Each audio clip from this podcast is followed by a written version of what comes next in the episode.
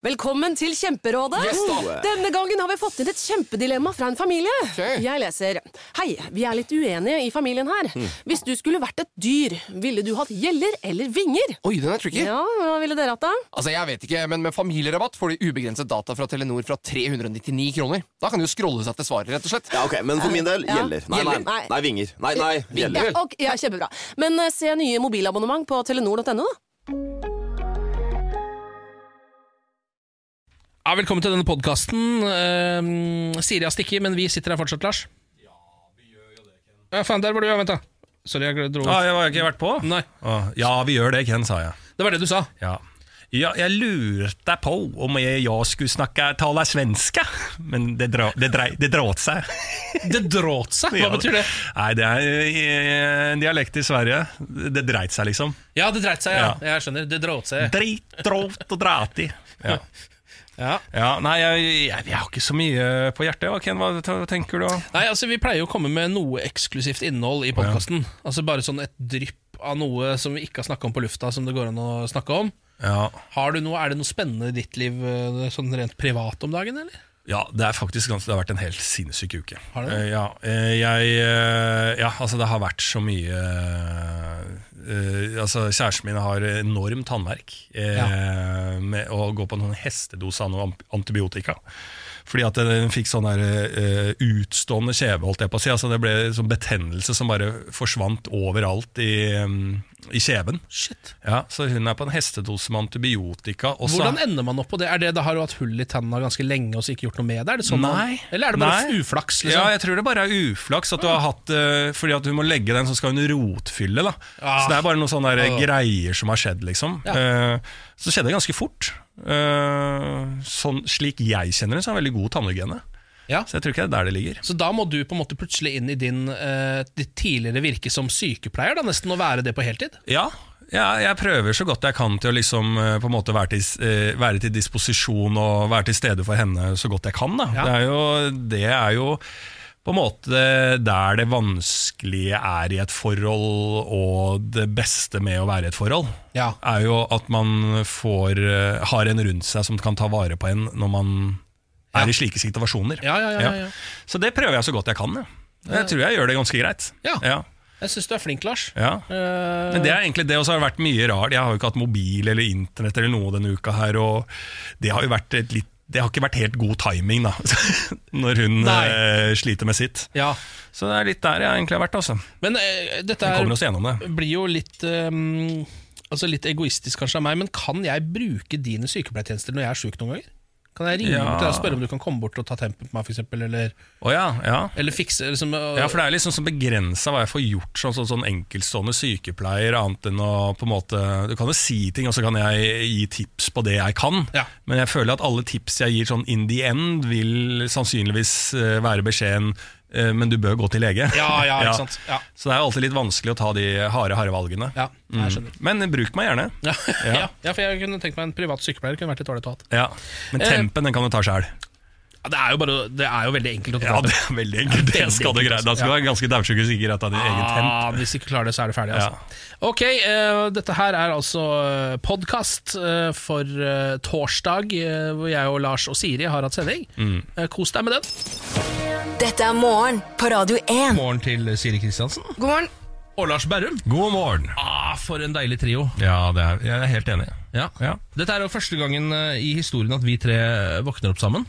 Er det Eh, det, ja, ja? ja, det jeg tror, Jeg tror ikke vi har vært på leirskole eller eh, noen lignende prosjekter sammen tidligere.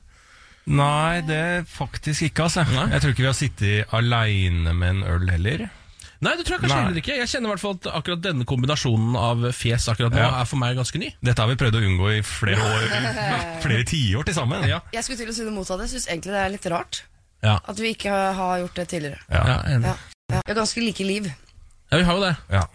Nei, overhodet ikke, men jeg skjønner hva du mener. Ja. Jeg gikk nettopp forbi et helsestudio der det sto to stykker inne og trente. Å, fy Før klokka fem, altså, Er eller før klokka fem om morgenen. Sto og pumpa jern. To Er det sant? Ja. Det nærmeste jeg har vært, er vært på fylla og trent. Altså Vi gikk innom et treningsstudio ut på byen. Eh, Det var ganske artig. Det er et Var det planlagt, eller Nei, nei, det ramla du innom? eh, jeg tror jeg faktisk var med Stian Blipp og sånn. Det var Du- ja, men, og Stian Blipp var på Nei, ja, det var en gjeng. Ja, vi hadde standup, så vi var en, liksom en gjeng. Men Stian Det var liksom før Stian Blipp ble en treningsmaskin. da Ja. Så vi var liksom på fylla da, og så, vi, så var det en som sa sånn Det var i Bergen, da. 'Jeg har sånn treningskort'. Og så bippa ned, så gikk vi inn. Og da var det overraskende gøy med alle apparater. Ja. Da var det sånn Og så var det kjempemoro. Og Mer som å ha med seg barn på treningssenter, Ja. liksom, før man fikk eh, mm, og, barnevakt. så- og så ga vi oss. Men det er nærmest jeg har vært sånn på natterstid, da. Eller veldig tidlig. Men det er jo helt Det er jo Jeg var sykelig. utrolig imponert over hva folk, altså, hva folk gjør for å få dagene sine til å gå opp. Altså For å få logistikken til å funke. Ja. Tidsklemma til å bli et uh, spøkelse. Altså, ja, men Da står jeg opp klokka fem. Jeg drar og trener. Ja, Ja. Men da bikker det over, syns jeg. Hvis jeg hadde vært sammen med en person som sa det. Hvis vi Ja. hadde fått barn og sånn. Kjæresten min sa da ah, men jeg, trening er så viktig for meg, så da står jeg opp fire hver dag. Ja. Så hadde jeg Altså, jeg tror ikke jeg hadde vart lenge da. Det liker jeg at du sier. Mm. Jeg syns at det er litt for sykelig. Ja, altså, ja. For vi klapper jo selv på ryggen som klarer å stå opp i det hele tatt, bare komme dit og, og skravle Ja, ja. så tidlig på, på morgenen. Men dere skal, eh, altså, du som eh, i hvert fall er her fast, Ken. Jeg tar av meg hatten for det, altså. Jo, takk for det. Ja, Eh, men- hadde jeg vært sammen med deg, så hadde jeg dratt fra deg. Ja. For det er det jeg mener. Du, du setter grensa lenge før det. Ja. Ja. Nei, jeg skjønner. Ja, men Det er veldig deilig å ha dere her. Vi skal jo sitte her uh, fram til klokka blir ti, vi. Så det blir fint. Um, er det noen dere har lyst til å melde sånn Lars, har du et lite, et lite morgenhaiku du har lyst til å kjøre i gang før vi spiller Ruben, eller? Ja, nå syns jeg alle som er der ute og hører på oss, skal uh, rett og slett fokusere lite grann på seg sjæl. Ja, det er ålreit. Ja. Litt- Det er en litt egodag, det. Ja. det er Morgen på Radio 1. Hverdager fra seks. Det er Ken, Siri og Lars som er dagens morgenteam. Ja, det er det. Og hvis jeg sier til dere rundt bordet her Ingvar Olsen, hvem er det, da? Ingvar Olsen. Ja? Jeg vet ikke. Nå tenkte jeg at det var Nei. Nei, vet ikke. Ingen? Nei. Ken? Ingvar Olsen? Nei, jeg tror ikke jeg vet om det Sitter bare på han IFA-mannen, men det er ikke han. Han heter jo Ingvar F. Ja, Ivar F. Eh, Andresen. Ivar F. Andresen, så er ikke han. nei, Nei. og ikke er det han tidligere Ikea-gründeren. Er ikke er- nei. nei. Nei, det er eh, tidligere Idol-vinner fra 2014. Ja vel, ja. Ja. Og det er han er som litt spilte piano? Nei, det tror jeg ikke. Nei. Men det er litt av poenget mitt. Da. eh, Og poenget i den saken jeg legger fram til dere nå, at eh, Ingvar Olsen eh, han mener at premien for å vinne Idol er nesten en straff. Ja. Og sånn er det jo litt. Det vet vi jo at eh, det er sjeldent at eh, disse folka som vinner Idol, er de vi husker i etterkant. Heller de som kommer litt ned på lista som uh, Smepos og Ja. Gaute Ormåsen og Tone Damli, Margaret Berger, Bjørn Johan Muri, Erik Søfteland og alle disse her. Ja. Dette er jo folk man hører om litt etterpå. Ja. Men ikke Ingvar Olsen.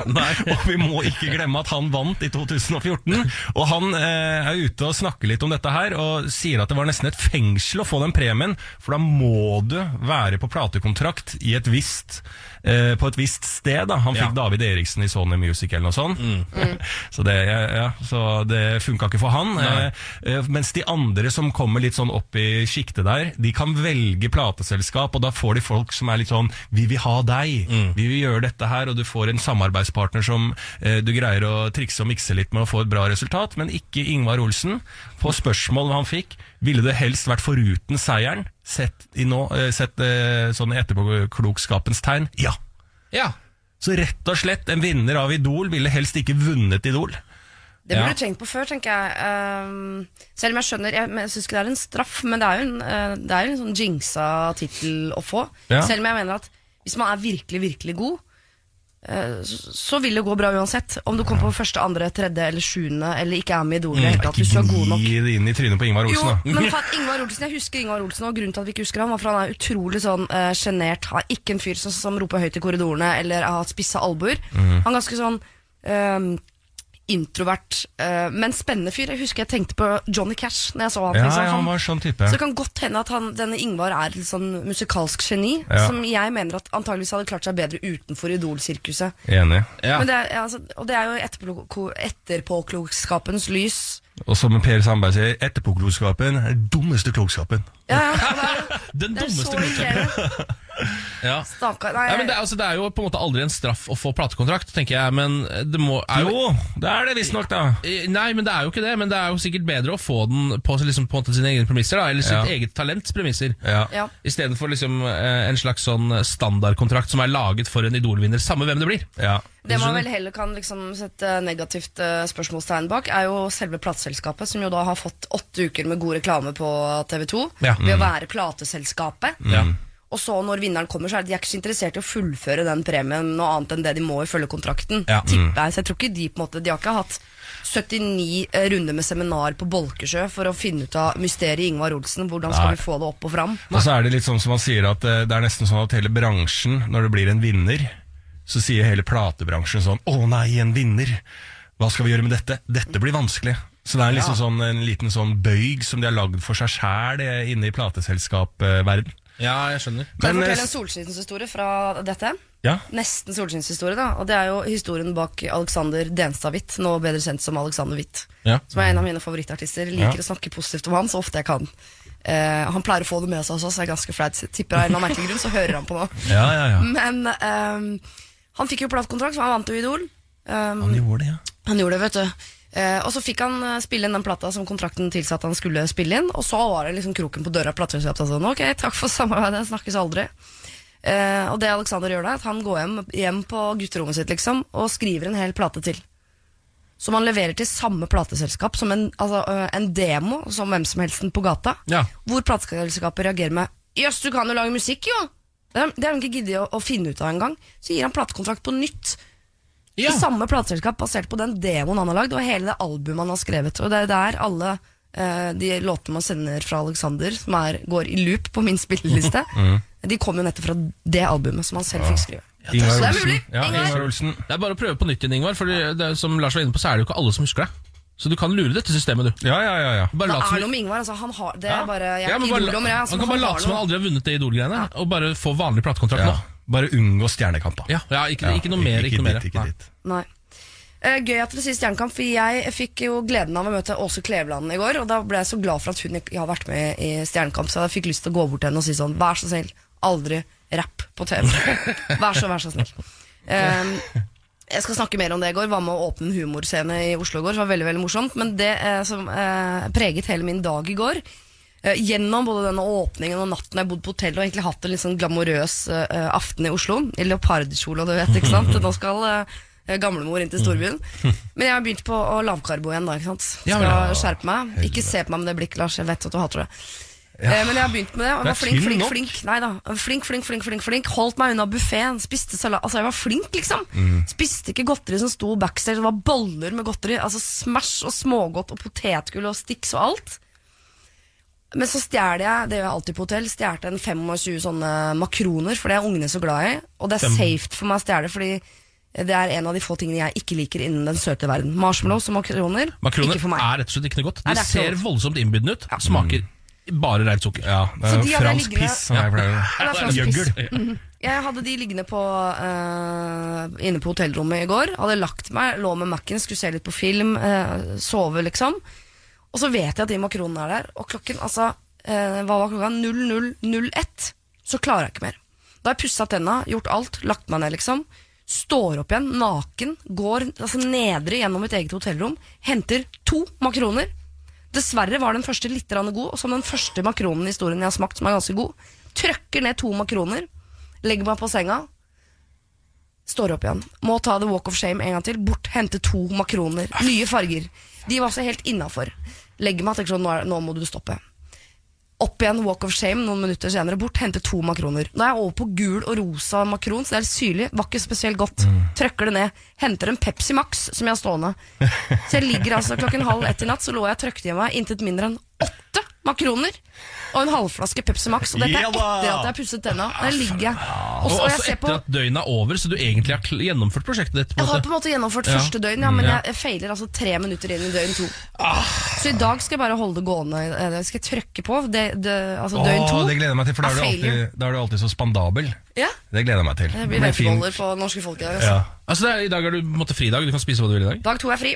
Ah, deilig. Morgen på Radio 1. Ja, det var litt irriterende å høre Ed Sheeran nå, faktisk, med sangen 'Perfect'. Ja, Eh, fordi at eh, jeg har eh, blitt syk igjen. Så jeg følte at han nå eh, sitter han derre uh, rødhåra briten og gnir ting Ja. inn. Og jeg, jeg vet at det handler om noe annet, men den derre perfect eh, Alt er så perfekt, og du er perfekt. Ja, jeg Sitter har, du og føler deg utilstrekkelig, Lars? ja, delvis. Og litt sånn irriterende fordi at eh, jeg har blitt dobbeltsyk. Jeg var jo syk forrige uke. Men Ble er du, frisk. syk på, altså, er du psykisk syk, eller er det uh... Det er jeg også. ja. Ja, Men den sparer jeg litt til at karrieren går veldig dårlig. da kommer den, så den snakker jeg ikke offentlig om ennå. Men der ligger det et helt arsenal av VG pluss-artikler ja. i den kroppen her. Det er veldig bra.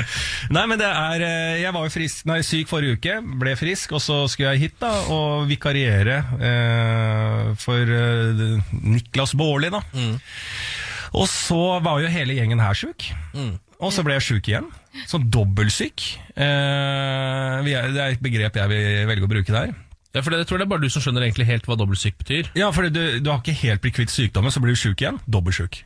ja, jeg tror du bare har vært sjuk hele perioden. Du bare hadde, noen, hadde litt overskudd midt på der. Ja, Nei, nei, nei. Jeg er dobbeltsjuk. Ok, Ja, det er det du vil som er syk. Er- Du er er sykepleier. Det er- Det er du som er sykepleier, Lars. Så det der kan du... Men jeg skal, eh, eh, litt apropos der. Jeg var eh, på sånn dobbel Når man bruker dobbelt som begrep. Ja. For jeg var i Grimstad sammen med en, eh, en fyr og skulle filme noe eh, i sommer. Og da, dette er faktisk sagt på standup-scenen nå. Såpass morsomt skal dette her visstnok være. Ja, ja, ja. Men eh, da var jeg i Grimstad, og så ehm, eh, der, De er jo veldig Det kan bli ganske aggressivt nede på Sørlandet på byen og sånn på, eh, på kveldene. eh, på natta. Da er det jo litt sånn Jeg har alltid sagt at hvis du muter sånn Arendal og Grimstad og sånn på natterstid, og setter på eh, 'Hello Darkness, my old friend', så har du en kunstfilm til høstutstillingen, for alle står og slåss vilt med hverandre.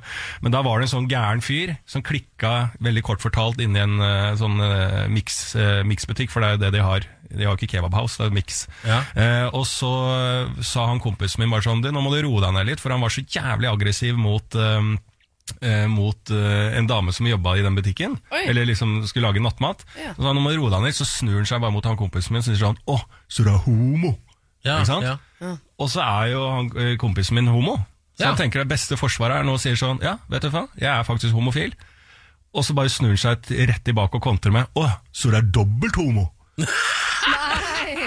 Og det er nydelig! Og da fikk jeg på en måte troa igjen, fordi at eh, eh, Ikke sant, han har brukt Skal ikke alt smart til han, nei. Nei, han har, har brukt homo som skjellsord lenge. Og så har han funnet ut nå, vi har kommet såpass langt at han skjønner at homo er noe vi aksepterer. Ja. Men han gikk ikke i slipp på skjellsordet. Nei, nei. Så han bruker fortsatt homo som skjellsord, men han har også en annen Så hvis du- forståelse for homo, som er en legning vi aksepterer. Og Ja. hva er du da hvis du er eh, homo i trynet? da? Da er du ho- dobbelthomo, da. Ja. Så, Så derfor jeg er dobbeltsyk. ja, det, det likte jeg veldig godt. Ja. Så du var dobbelt-homo. Ja. Det vil si at du da både er homo og blir kalt homo? Ja, nei, altså, du, er, homo som i skjellsordet, Ja. du er idiot, Ja. og du er homofil som i legningen. Ja. Ja. Ja. Det er dobbelthomo. Ja, er. Herregud. Dere, Jeg leste en sak i VG på senga i går som jeg, jeg syntes var såpass artig at jeg ikke klarte å la være å uh, gå inn i den. Uh, overskriften sier um, en fengselsansatt skal ha, stå, ha hatt stående 50 privateide sauer på arbeidsplassen. Fengselet anmeldte selv saken, men politiet vil ikke etterforske. Uh, det høres jo helt ko-ko ut. Hva du sa en gang til nå, en feng... det er et fengsel på Østlandet hvor det er en av de ansatte som skal ha hatt stående 50 sauer på arbeidsplassen, altså ute i luftegården. da. Har tatt med seg 50 av sauene sine på jobb, satt de ut i luftegården på fengselet, og, og så har de gående og gresse der. ikke sant? Kanskje han var tom for gress hjemme Ja, ja. på sin egen gård. Det har vært en tøff uh, sommer, har det ikke vært noen tørke for bønder? og sånn? Og så er det de andre eh, ansatte, ikke innsatte, som har eh, anmeldt dette her. Og kriminalomsorgen har vært inne i bildet, sånn, så har de bare henlagt saken. Gidder ikke, selv om det er helt åpenbart ikke lov å ha med 50 sauer på jobb. Det kan man faktisk ikke gjøre. Jeg tror nesten uansett hvor de jobber, eh, selv om det ikke står skrevet eksplisitt noe sted, så tror jeg ikke det er innafor å ha med 50 sauer på jobb, da. Nei, det tror ikke jeg heller. Men nå skal det sies at dette fengselet på Østlandet er en sånn er, De har dyr der, de driver med gårdsdrift. Så det er ikke så random og sjukt som det høres ut. Det er på en måte det skulle, De innsatte skulle uansett sysselsettes med gårdsarbeid. Mm. Okay. Så 50 sauer fra eller til, eller om, det var, om de i utgangspunktet hadde fire kattunger og en kanin gående, og så eh, Ja. tok de noen sauer attåt, så syns jeg ikke det er så farlig. på en måte Han har, Her har han sett muligheten for å sysselsette de innsatte. Kanskje glede de, det blir ganske godt humør av sauer, skal jeg Ja. fortelle dere. Eh, Selv om de er overraskende lite myke til å se så myk ut. Har dere klappa en sau? Ja, faktisk. Ja, Den, ja, faktisk ja. Eh, den er jeg enig. Den er ikke, det er er ikke så fluffy, kanskje, som det man tenker at det skal være. Nei, og når, du- Hvis du klapper den, la oss si du går for uh, høyre skulder da, og klapper der, så beveger hele uh, Det er akkurat som hele ulla er så kompakt. kompakt. At hvis du klapper mot venstre, så beveger det seg nede på høyre legg også. I ulla, liksom. Og din at du Jeg har ikke- pelsen på beveger sauens seg. legg, Å, ja. til å ja. klappe. Jeg trodde det ble sånn at du fikk sånn ståpels, liksom. nei, nei, nei, ikke noe ståpels, men uh, det, er, det er ikke mykt, da. Det er det jeg skal fram til. Men, eh, så, så jeg vet ikke om jeg vil hylle eller le av denne fengselsansatte som bare har sett en mulighet. Jeg Jeg, er jobber et sted hvor det er gårdsdrift. Ja, ja. De, Ja. de har dyr der, jeg har dyr. Jeg, kan, jeg, jeg tar det med. sett i lys av tørken som har vært for bøndene der, og at det er dyr der, så mener jeg at uh, jeg bør ikke hylles engang. Syns det er helt naturlig. Ja, det er, Eh, alle, det er, alle tjener på dette, det er ingen som taper. Det er typisk Norge å være sånn Vent litt her. Er det noen som har funnet en måte å tjene litt ekstra penger på? Eller gjør det litt greier greiere for seg sjøl i hverdagen? Stopp det! Stopp! Ja. Men kan jeg bare gi en liten sånn kunnskap på slutten her? Sånn, uh, Nei, apropos, pe- apropos pels. Apropos pels. Eh, oter har den beste pelsen der ute. Beste Ja. på hvilken måte? Ja, du så at- den dokumentaren du òg? Ja. Oter-dokumentaren? Vet du, hva, eh, vet du hva dokumentaren heter? Supergira otere. Så, ja, det er en god dokumentar. Ja, da stopper jeg. Altså, da, da er det bare sånn og det står, Når det står på TV-en min 'Supergira otere', og det er en egen TV-serie, eller hva faen det er, da blir jeg med. Jeg vekte sønnen min, jeg, som jeg allerede hadde lagt. Han var på vei inn i drømmeland. Mm. Jeg gikk inn og vekte ham og sa sånn, nå må du stå opp, vi skal se på Oter-dokumentar på TV. Ja, Supergira otere? Supergira Otere. jeg tror det var det. Kjapt innpå her. Paul McCartney avslører runkering med John Lennon. Eh, Det er jo den sjukeste saken som har dukka opp i dag, i hvert fall. Lyset var slukket, og plutselig begynte noen å onanere, står det her. I et større intervju med magasinet GQ under tittelen The Untold Stories of Paul McCartney kommer 76-åringen med ytterst pikante detaljer fra livet på innsida av The Beatles. Um, vi var i huset til John, og det var en gruppe av oss. I stedet for å drikke oss drita fulle og feste, jeg vet, ikke om vi gjorde, nei, jeg vet ikke om vi overnatta eller hva vi gjorde, sier han, så han husker ikke helt hva som skjedde. Men så satt vi alle i hver vår stol, lyset var slukket, og plutselig begynte noen å onanere. Deretter fulgte vi andre etter, sier han til GQ. Den såkalte runkeringen var ifølge McCartney et forsøk på å knytte tettere bånd. Eh, Så står det også, mens samtlige forsøkte å konsentrere seg om sine gjøremål, var oppfordringen videre ropet et navn som ville gi relevant inspirasjon. Så han sier at de for eksempel bare sa sånn «Ah, Bushit Bardot! Eh, og så bare satt de der og runka litt til. Og så kom det en til som heiv seg på, eh, og så plutselig så sa noen for eksempel Winston Churchill, og så slutta de å runke litt og lo litt. Og så var det noen som kom med en ny deilig dame som fortsatte å runke. Ja. Det er Kjempegod idé. Jeg vil bare spørre dere menn om blir, blir dere tettere knytta til hverandre når dere Nei, jeg- gruppe? Nei, nei. Det er, tror jeg svaret er ja, men jeg har aldri Ja, prøvd det. Nei, ikke jeg heller. Men det er det som er så farlig med sånne der, eh, legender som fortsatt er i live, og kan være med å påvirke sitt, uh, sin mystiske ettermæle. Ja. Ikke sant? Altså, folk uh, som er med å skrive sin egen biografi. Det er jo det Paul McCartney er. Han Ja. kan si hva som helst nå. Ja. Uh, og Slenge slengende runkering, liksom. ja. Uh, han er med på å skape sin egen biografi. Det er farlig, det. Dette er morgen på Radio 1. Eh, jeg har aldri hørt om Sarpsborg-spiller Amin Askar før, men det har sikkert dere som er opptatt av fotball. Ja, jeg har det. Han er fra Moss, der hvor jeg er fra. Mm. i Jeg bor på. Jeløya, som på en måte er den fine delen av Moss. Vi har snakket om det før. Der Ja. heter fotballstadion heter Bellevue, Ja. for eksempel. Så de er jo litt sånn Porsche på det. Ja. Eh, I går så eh, Kona er for gravid, Helene. De har et barn fra før, men i går skulle hun da føde igjen. Og hvis du bor på Jeløya, så er på en måte nærmeste sted å føde det er Kalnes, som er et helt nytt eh, sykehus som ligger avkjøringa til Sarpsborg omtrent. Eh, sykehuset i Fredrikstad driver de og legger ned, og i Moss ligger det bare sånn legevakt, på en måte. Så satte seg i bilen og var på vei mot eh, Kalnes, da. Eh, da eh, Helene sier sånn Du må svinge inn til sida. Så på, på broa mellom Jeløya og sjølveste Moss, eh, klokken eh, fire om natten, natt til i går må det ha vært, så føder Helene i familiens bil, og altså Sarpsborg-spiller Amin Askar måtte eh, ta imot dette barnet. Så han ble jordfar i bilen og tok imot sin lille datter, som i dag er én år, eh, nei, dag gammel, Eliana.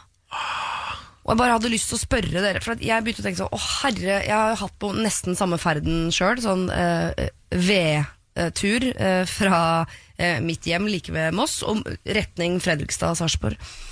Tanken på at lokføreren skulle ta imot lille Signe, er for meg et så stort uh, mareritt. Uh, men, og da tenker jeg også for dere, uh, dere menn, om det hadde, hadde vekt et sånn instinkt i det sånn, sånn dette skal jeg klare. Hadde dere blitt Ja. urmann liksom, og levert oppgaven, eller bare helt bare kjenn på instinktene Ja. Eller hadde forlatt åstedet, eller hadde frika ut, skrikes, bare stått og sett på, sagt 'skjerp deg', kasta kaldt vann på, eller Ja, det her er jo klassisk sånn, fl øh, altså sånn øh, Ja. flykt- eller kjemp-situasjon. Så jeg føler sånn, Enten så hadde jeg bare kasta meg i elva, på en måte hoppa av den brua der. Kanalen. Ja, For det har jeg gjort mange ganger før, så Ja. det, hadde jeg visst at det går bra. Eh, og Da blir du bare tatt litt av strømmen, så flyter du av gårde bort til bystranda, og det er egentlig ganske ålreit. Ja. Um, ellers så hadde jeg vel gått i gang med det og bare gått inn i den derre Altså instinktive urmann-situasjonen, hvor du bare altså, drar fram hendene og bare lar det stå til. Eller, eller alternativ tre drept. Ja, Drap er jo alltid noe man også som dukker opp. i- Og får liksom eh, gjort ordentlig, da, så Ja, at det ikke blir ja. oppdaga. Ja. Nei, jeg, det mener jeg, altså, det tror jeg de fleste hadde gjort, både kvinner og menn, ja, og bidratt på det punktet der. Ja, Har man det instinktet i seg, liksom? At hvis Ja, man så eh, ikke ramler over en fødsel, så, så har man det som kreves, liksom? Da er man litt Man har jo ikke det som jordmor. Ja, man kreves, ikke men det, man gjør jo det man øh, kan. Det tror jeg alle gjør. altså I hvilken som helst situasjon om Nå er det fødsel, men hvis det hadde vært et bein som ble kutta, så hadde man på en måte Ja. hjulpet til. Selv om man tenker 'jeg takler ikke blod', og jeg syns det er ekkelt, så hadde man hjulpet til, altså.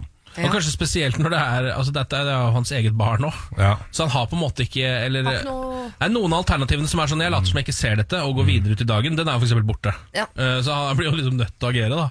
Men du er rå hvis du liksom varter opp, og, ja, liksom sånn at du, du begynner å ta litt grep, liksom. Ja.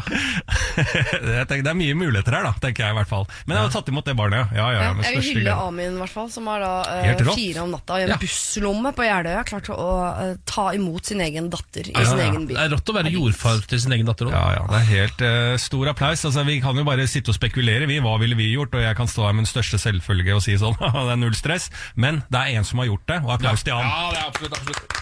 Ja, men da skal jeg tilbake på landslagene, håper jeg. Ja, Men det blir ikke lenge til eh, noen av oss lever. Sånn er det bare. For nå har Russland og Kina en svær militærøvelse. Eh, 300 000 russiske, kinesiske og mongolske soldater driver og trener i en stor... Altså Det er så svær, den øvelsen her. Eh, Det er, samme, altså, det er like mange involvert som de største slaga under andre verdenskrig. Oi, Så driver og tester, og så her i Norge så har vi liksom sånn Nå skal vi ha den største Nato-øvelsen på norsk jord. Det er 40 000 soldater i sving. Ja. 300 000. Og hvorfor? Og hvordan? Hvor lurer jeg på? Ja, på grensa Russland-Kina. Ja. Ja, og, men hvorfor i all verden har vi tillatt Russland og Kina til å få så godt forhold eh, handelmessig? Det er ok, Ja. der driver de og dealer og ordner på. Men også militært, for de har jo knuffa i all tid, egentlig, Russland og Kina. Men nå de, samler de styrkene sine. Det er ikke bra for oss. Og det er der jeg mener at vi må være mer russlandvennlige i dette landet her, hvis vi skal ha noe fremtid. ja, for det, du tror det er den vinnende siden? Det, ja, akkurat. Jeg er jo veldig for å bytte sider. Hele tiden? Ja, eh, og akkurat nå så må vi lene oss litt, og vi kan ikke være sånn derre eh, Vi kan ikke ha den gamle gode, og USA er størst. Altså der Han, han er klin gæren, han Ja, ja. Trump og alt det der. Vi vet ikke om vi får beskyttelse engang. Så vi kan ikke stå sånn Hei, Russland, nei, dere får ikke Vi, vi også driver med karantener og alt sånn. Vi må, altså, vi må være mye mer vennlige til Russland, som har 300 000 soldater i sving. Jeg mener at vi er så å si ferdige. Ja. Ja, så i hvert fall Norge. Vi er ferdige. Så uh, uansett om folk tar imot barn uh, i biler, eller hva, hva slags gode gjerninger vi gjør, det har ingenting å si, for dommedagen er nær. Det må fødes i hvert fall 300 000 soldater i bil innen uh, kort tid, hvis vi skal klare å ta i Ja, Den den nyfødte ungen der bør Ja. være i hvert fall i førstegangstjeneste om tre år. Ja. Ja. Fy faen, Det var en sjokkerende uttalelse fra utenriksminister Lars Berrum i gårsdagen. Gårsdagens utgave av Dagsnytt 18, som vi fikk gjenfortalt her. Morgen på Radio 1. Hverdager fra 6. Nå driver byen Rabbit Hash i Kentucky i USA og uh, sørger over dødsfallet til sin eh, første um, kvinnelige uh, sånn borgermester, Oh, ja. uh, som het Lucy Liu. Ikke skuespilleren Lucy Lou, Nei. bare så det er sagt. Ja. Het også Lucy Liu, eh, og var en tolv år gammel bikkje. Så er nå død. Dette forstår jeg ikke. Nei, Det var altså da en tolv år gammel bikkje eh, som heter eh, skal vi Det er en collie, står det her. Eh, denne bikkja, eh, som, eh, står, faktisk, som heter Lucy Lou, da. Ja. Som eh, var borgermester i Rabbit Hash i Kentucky. Border collie, eller? Altså, er det den svarte og hvite bikkja, eller er det Lassie-hunden? Her står det bare collie. Ja, men okay. hva er border collie som er? Det er sånn sauehund som samler flokken. Ja, som er Ja, svart og hvit. ser du. Ser ut som Lassie, bare at den er svart og hvit. Sånn sett så er jo det en god uh, borgermesterrase. Ja. Den samler flokken. Eh, var da borgermester fra 2008 til 2016 i denne lille byen i Kentucky. Eh, har nå eh, gått bort, dessverre. Gikk bort Ja. 10.9., og nå er det da sørgetid. Men består byen av mennesker eller Ja. dyr?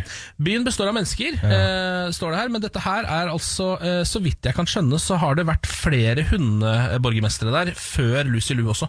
Jeg tipper de har danske tilstander hvor de faktisk ikke har klart å Altså har vært så dødt løp etter et valg at de har ikke klart å bestemme seg for hvem som skal styre eller ordne i byen. Ja, Eh, Så til slutt har det bare gått for bikkje, og det syns jeg også at eh, flere burde Det, gjøre. ja, det syns jeg Sverige burde vurdere. Og bare droppe hele valghysteriet de driver med der borte nå, og gå for en bikkje. Tenk hvor gøy det er hvis vi valgte nå å, at hunder styrer ting, sånn i rettsvesen nå. Hvem skal bli dømt? Hvem, Ja. Og så slipper de en hund, så dit hunden går, Ja. Eh, den er fri. Det blir opp til den franske bulldoggen Ja. hvem som skal få dødsstraff i Ja. dag. Det er vi inne på nå, altså. Ja, Ja, men Da må vi ha inn noen liksom Farmen-regler også, på at hvis det er du som uh, har mest å tape, så er det du som kan velge rase på hunden, f.eks. Sånn som Ja, ja, ja, hvis man er ja. så så kan man velge gren. Nei, jeg syns Sånn? vi kan gå helt bort fra hvordan vi opererer. Jeg syns at de som har mest ressurser, Ja. skal få velge Ja. hunderase. Helt enig, de som betaler mest. ja. Skal få velge hunderase. ja. Ehm, og velger jo da ikke sant, Enten en eh, blind bikkje kan de velge hvis de føler at det er helt random. Ja. Uh, ja, ikke sant? Men Det er kjempe, det er en god idé, Lars. ja. Ja. Eh, Jeg har lyst til å snakke litt om eh, mobbing. Eh, Det er jo et hett tema for tiden. Folk blir krenka, og folk blir mobba. Ja. Hva er mobbing? Hva er satire? Dette er jo en evig debatt. Det har vært mye snakk om han eh, Mats Hansen, eh, karakteren som har løpt rundt i sommer. Jeg tror ikke han er Eh, en karakter, jeg tror det bare er et vanlig menneske. Er det vanlig Eller menneske? Han vanlig- finnes på ordentlig. Ja, Ja, finnes, gjør den, ja. Ja, ja, ja. Eh, men han har i hvert fall eh, hatt et problem med en eh, Isabel Rad-karakter. Eller er hun også, finnes hun nå på jeg tror ordentlig? Ja, det er jeg usikker på, men Ja, Ja, det er litt mer ja, usikker. ja, så har det vært mye diskusjon på mobbing der, da. Eh, nå er det også Skal vi danse som er i full gang, og han eh, Løken, eller Lø, Frank Løke Action Frank. Action-Frank er jo ute og kødder litt med dommerpanelet, da. Eh, på en Instagram-post som egentlig jeg skjønte at han jeg skal ikke, Det er liksom sånn forskjell på å synes humoren er god, eller alt det der, men jeg skjønte jo at det var en spøk, fordi han hadde lagd bilde av dommerpanelet og fått hver sin sånn eh, tegneseriefigur under som liksom ligna, da. ja. Og så Bortsett fra den ene som fikk meg til Marit. Ja, som Ja. er veldig rart, men der må vi kan ikke ja, vi kan, Ikke gå dårlig. humoren i sømmene. Nei, vi kan ikke gå humoren i sømmene, men jeg skjønner tydelig hva han prøver på. Også i den uh, Insta-posten så liksom uh, uttrykker han sitt vrede både for maten som serveres der, Mm. og at dommerne er udugelige. Ja.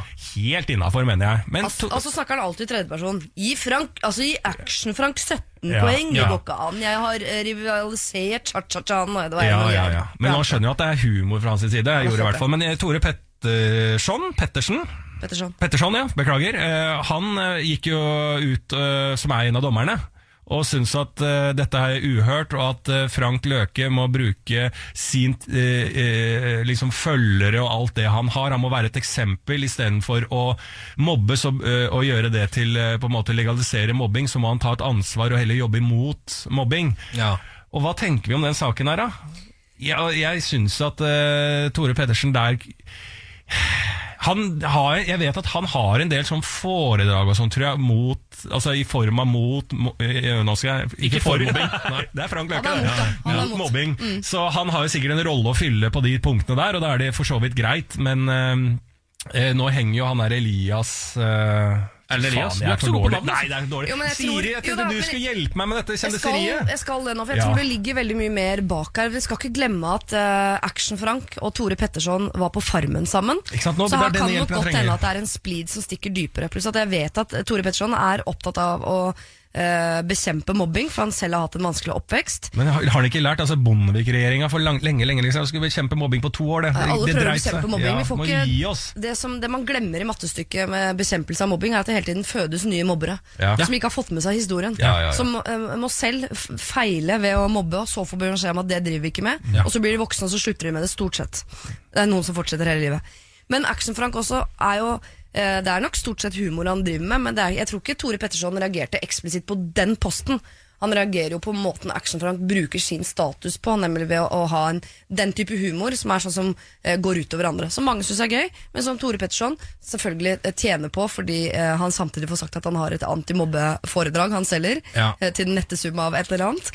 Eh, Så tror jeg dette her er, det handler ikke om den ene posten. Her er det to stykker som ser muligheten. Den ene ser muligheten til å være funny.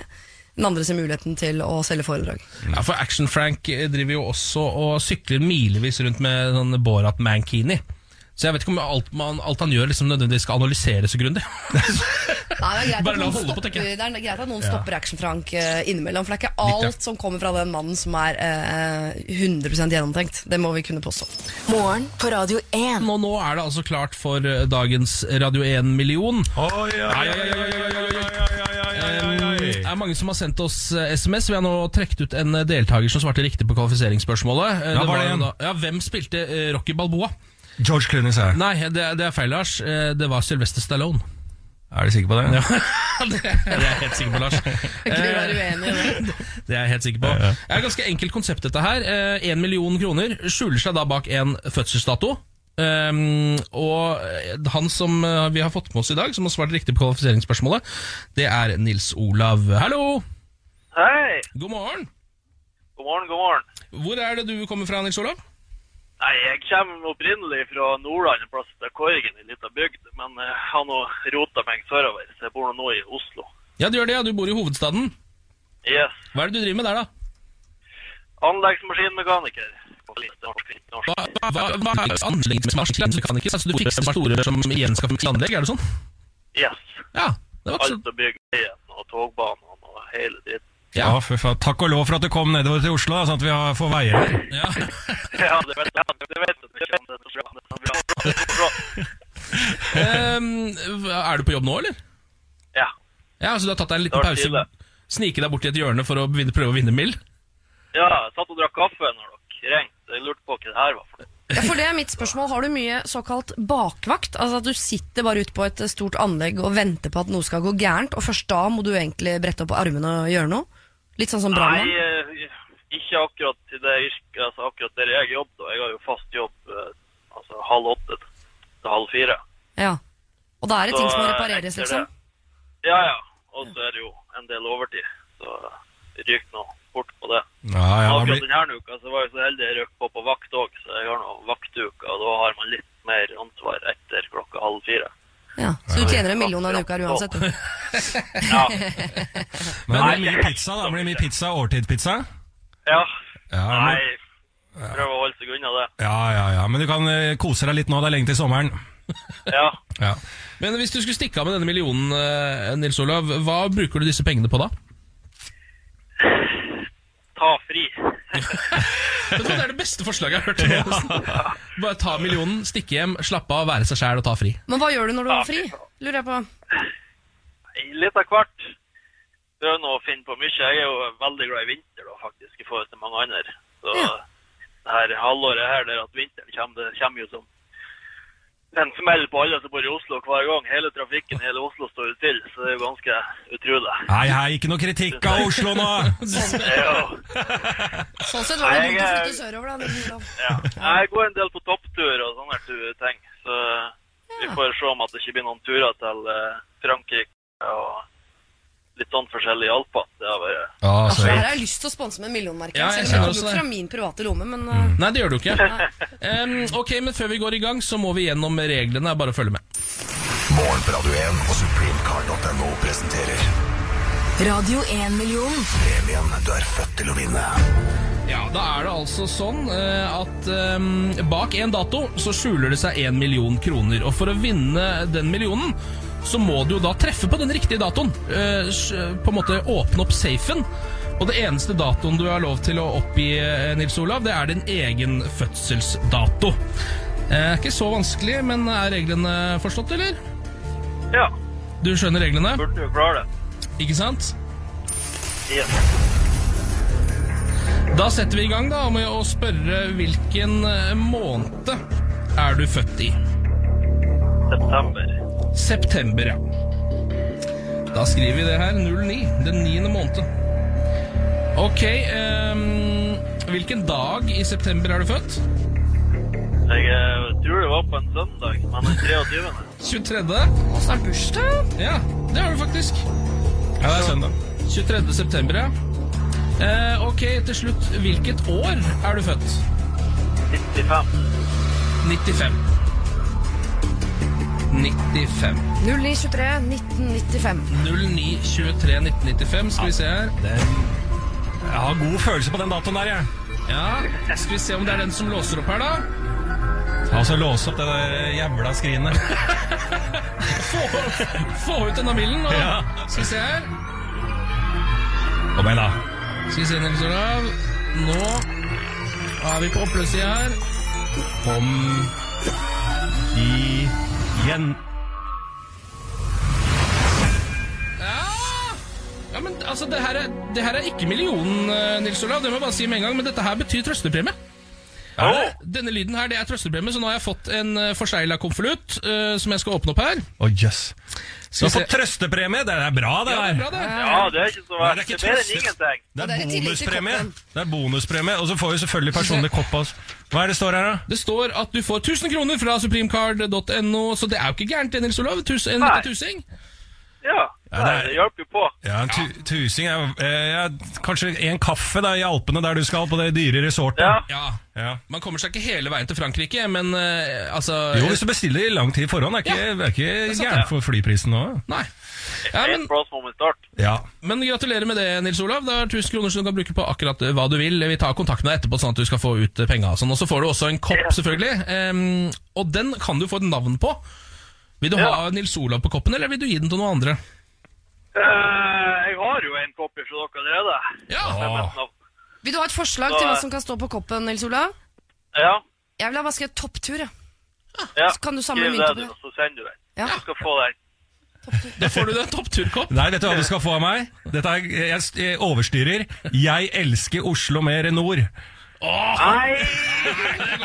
Det går ikke, Lars. Det går ikke. Nei, koppen skal jo bli brukt òg. Jeg tror vi lander på at du får deg en toppturkopp, Nils Olav, og så 1000 kroner. Gratulerer, ja, gratulerer. Perfekt. Takk skal du ha. Ha det bra. Morgen på Radio 1 og supremecard.no presenterer Radio 1-million. premien du er født til å vinne. For din mulighet til å låse opp millionen, lytt hver morgen 10 over 7. Radio 1 er dagens største hits. Og én million kroner hver morgen. Radio 1. Morgen på Radio 1. Nå har vi også fått besøk, fordi em, vi skal f snakke litt om true crime. En eh, journalistisk og underholdningssjanger eh, som jo har eh, kommet veldig til, her, til land, her til lands i det siste. Og Tor Elling Tømt Ruud, velkommen skal du være. Tusen takk. Krimjournalist i VG eh, til vanlig. Jeg lurer litt på, altså I mange land så har det jo lenge vært populært med true crime, kanskje spesielt i USA. Vi har jo TV-serier som Making a Murder, uh, The Staircase og The Jinx og sånn, som har vært veldig populære. Og så har vi Serial og S-Town-podkastene, da. Uh, og så har det jo nå for alvor kommet liksom til Norge også. Jeg tenker kanskje vi kan begynne bare helt sånn basic. Hva er true crime? True crime er jo da engelsk for eh, ekte forbrytelse. Ja. Eh, det er en eh, kriminalsak fra virkeligheten. Det er jo det det betyr, men nå har det også blitt en slags sjanger. da. Man, man lager en serie over forbrytelser som man prøver å nøste litt opp i. Det har jo blitt voldsomt populært eh, over store deler av verden. dette her. Hvorfor tror du det er så fascinerende med ekte krim? Ekte kriminalsaker? Eh, som avisjournalist da, så veit jeg jo at eh, krimsaker eh, leses. Det har alltid vært prioritet i store avisredaksjoner å, å jobbe med, med krimsaker. Det er jo litt det samme som på TV eller radio eller podkast, det.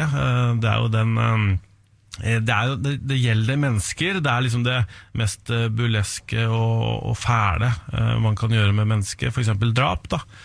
Det er noe som trigger og, og er fascinerende for mange og har vært i all tid, tror jeg. Hvorfor liker du selv å jobbe med det, da? Eh, som krimjournalist så, så møter man jo selvfølgelig disse mysteriene. Eh, man kan på en måte finne eh, folk som kan fortelle om spor, politi osv. Eh, men jeg har, jeg har tenkt litt på det, og det er nok litt at det er så nært mennesket. Du forteller menneskets eh, historie, eh, og det er så tragiske historier som, som får så masse konsekvenser og så, så mye eh, hva skal vi si, eh, følelser rundt seg. Da. Det er faktisk eh, Det er historien som er mest Må fortelle. å fortelle. Jeg har, liksom- liksom en følelse av at det er noen sånne kjennetegn ved en god true crime-sak. da Hvilke sånne saker er det vi har i Norge som du tror kan bli sånn, som er sånn typisk true crime-saker? Vi har allerede fått noen. eh, Birgitte-saken eksempel er jo oppe. Ja, jeg tror at, uh, at det, er, det er noen sånne kjennetegn. øh, Det må være et mysterium. Det må være kanskje noe som ikke er helt løst. Um, man har jo f.eks. Orderud-saken, hvor det er fire mennesker som er dømt. Den saken er jo per definisjon løst. Men det er så mye tvil og så mye ting som har kommet opp kanskje i ettertid. Nå begynner det å bli liksom 20 år siden den saken, og, og da kan man på en måte snu bunken og se på det på nytt. Og så er det jo sånn eh, Hvilke andre saker har man? Den der Plaza-kvinnen-saken, eksempel. er jo sånn typisk true crime-aktig sak. Plaza-kvinnen, en kvinne som ingen vet hvem er, som mm. ble funnet eh, død i et, på rommet på Plaza hotell. Eh, Kanskje selvmord, kanskje en leiesoldat, kanskje en agent. eh, Altså, det er et mysterium der som, som det er verdt å fortelle om.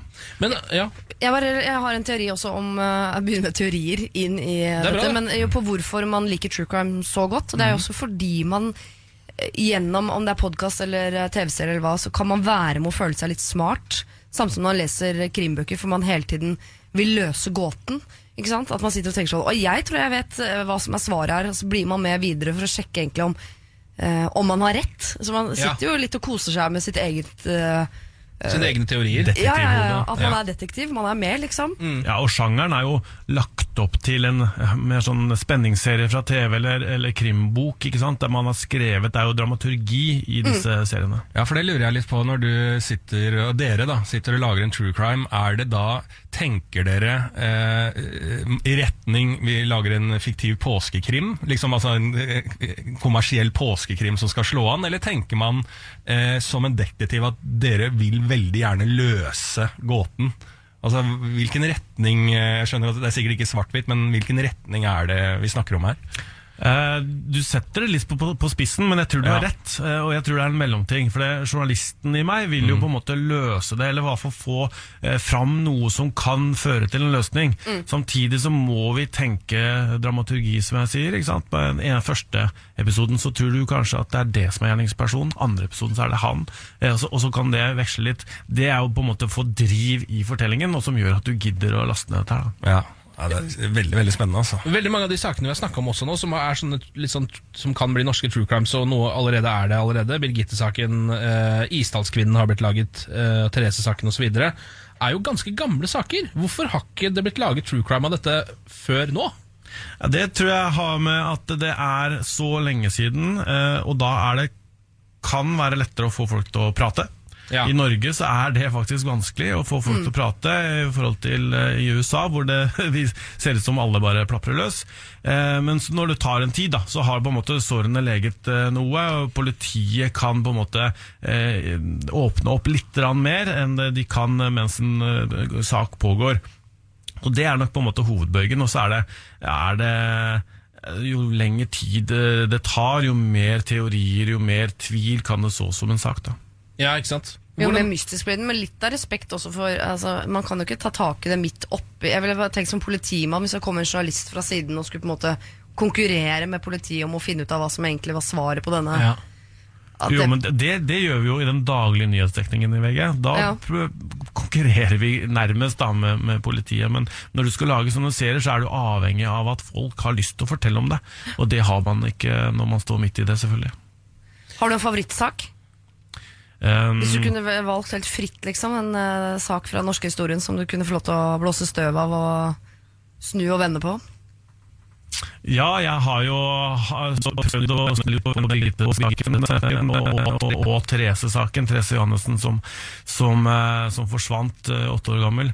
Eh, Den er ja, hvis jeg kan kalle det Det er litt sånn dumt å kalle noe en favoritt, fordi at, eh, men den saken har en del eh, i seg som gjør at, eh, at det er så Jeg blir så nysgjerrig på hva som skjedde med Therese da hun forsvant den eh, søndagen. og, og Mormora mi er helt sikker på at hun har møtt Therese på Gran Canaria. Hvis fysen på å følge opp det sporet. Ja, ja, men klart, ja. Vi, vi fikk veldig mange sånne spor da vi jobba med, den, eh, med den saken. Det er Ja. veldig mange som, som har en teori, eller kanskje har sett henne. Eh, Det var flere synske som, som ringte meg, osv. Så, videre. Eh, så den opptar folk, altså. Og det var liksom i 1988.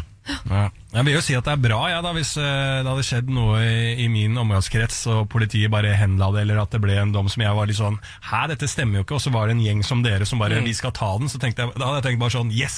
Det er et eh, eh, politi-etterforskingsorgan til! Ja, ja, ja. så, Sånn sett, så hvis man er heldig og suksessfull i, eh, i historien, da, eller i arbeidet, så kan man jo faktisk løse noe, da. Du kan i hvert fall løfte saken, ikke sant? få interesse om den, og sånne ting. Så, så, så kan det jo være noen som enten sitter med noe som de ikke har fortalt, eller så er det noen som Ok, nå er jeg, har jeg så dårlig samvittighet at nå sier jeg at det var meg, liksom.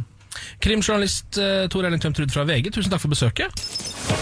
Dette er morgen på Radio 1. Du, eh, Vi skal snakke litt om eh, de som er de hotteste. Rett og slett En overskrift jeg fant der Tone Damli har vært ute i VG. Og det er jo alltid bra.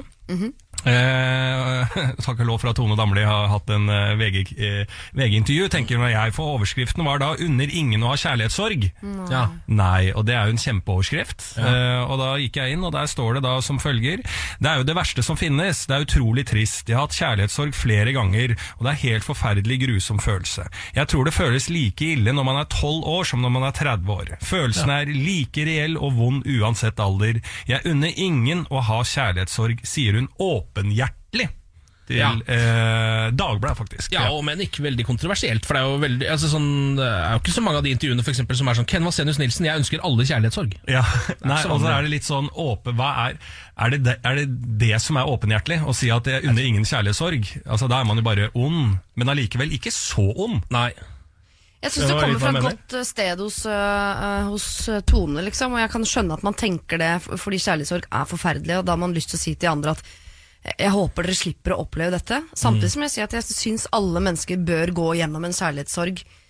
Uh, For å forstå liksom, og få respekt for uh, hvor forferdelig det er å, å, å ha kjærlighetssorg. Sånn at man kanskje ved et neste brudd eh, gjør det på en ordentlig måte. eh, rydder opp ordentlig, eh, stiller seg til lags for å, å svare på spørsmål. At det liksom, eh, jeg tror man skal ha vært på begge sider av den eh, bli dumpet og være den som dumper. Begge deler er vanskelig, men hvis man har vært på begge sider, så bør man være flinkere ved et eventuelt neste brudd. Da vil man jo bli et mer empatisk menneske. For Jeg tror, man lærer til alle under alle å oppleve kjærlighetssorg. kjærlighetssorg. Hvis du går gjennom livet uten kjærlighetssorg, da blir det jo uh... Og i hvert fall hvis det er sånn derre Å, jeg har hatt så mye kjærlighetssorg, men jeg har alltid dumpa. Altså, skjønner du hva jeg mener? Altså, man, må opple nei, ja, man må oppleve å ha blitt dumpa, ikke sant? Sånn som du sier. Ja, jeg tror det er lurt. Ja, det er veldig viktig. Fordi at der, tenker jeg, der har vi mye å lære ennå. At liksom sånn, den sånn dumperegelen at der må man gi, gi litt respekt, da. Ja. Eller der må man eh, eh, svelge noen kameler. Som du ikke trenger så mye hvis det er du som blir dumpa. Og man må svare på håpløse spørsmål. Hvis eh, mannen har lyst til å spørre om sånn Er det fordi du egentlig eh, liker broren min? Er det fordi jeg har stor eh, rumpe? Mm, eller Eller er det penis. fordi eh, Syns du det er vanskelig at jeg Liten penis, ja. Ja, ja, liten penis. Jeg, jeg, det var det jeg tenkte. Men jeg skulle bare prøve Lars å være litt respektfull. jeg Ja, det. jeg Følg liten penis, jeg hører det. Prøver å ikke Er det, er det Jeg har en liten penis i øret. Jeg har en liten penis Men er det som du som jente, er det et problem liksom å ha liten penis? Ja. ja. Ja, Ja. da fikk du svar på det. Så Ja. er det fordi jeg er liten penis, ja.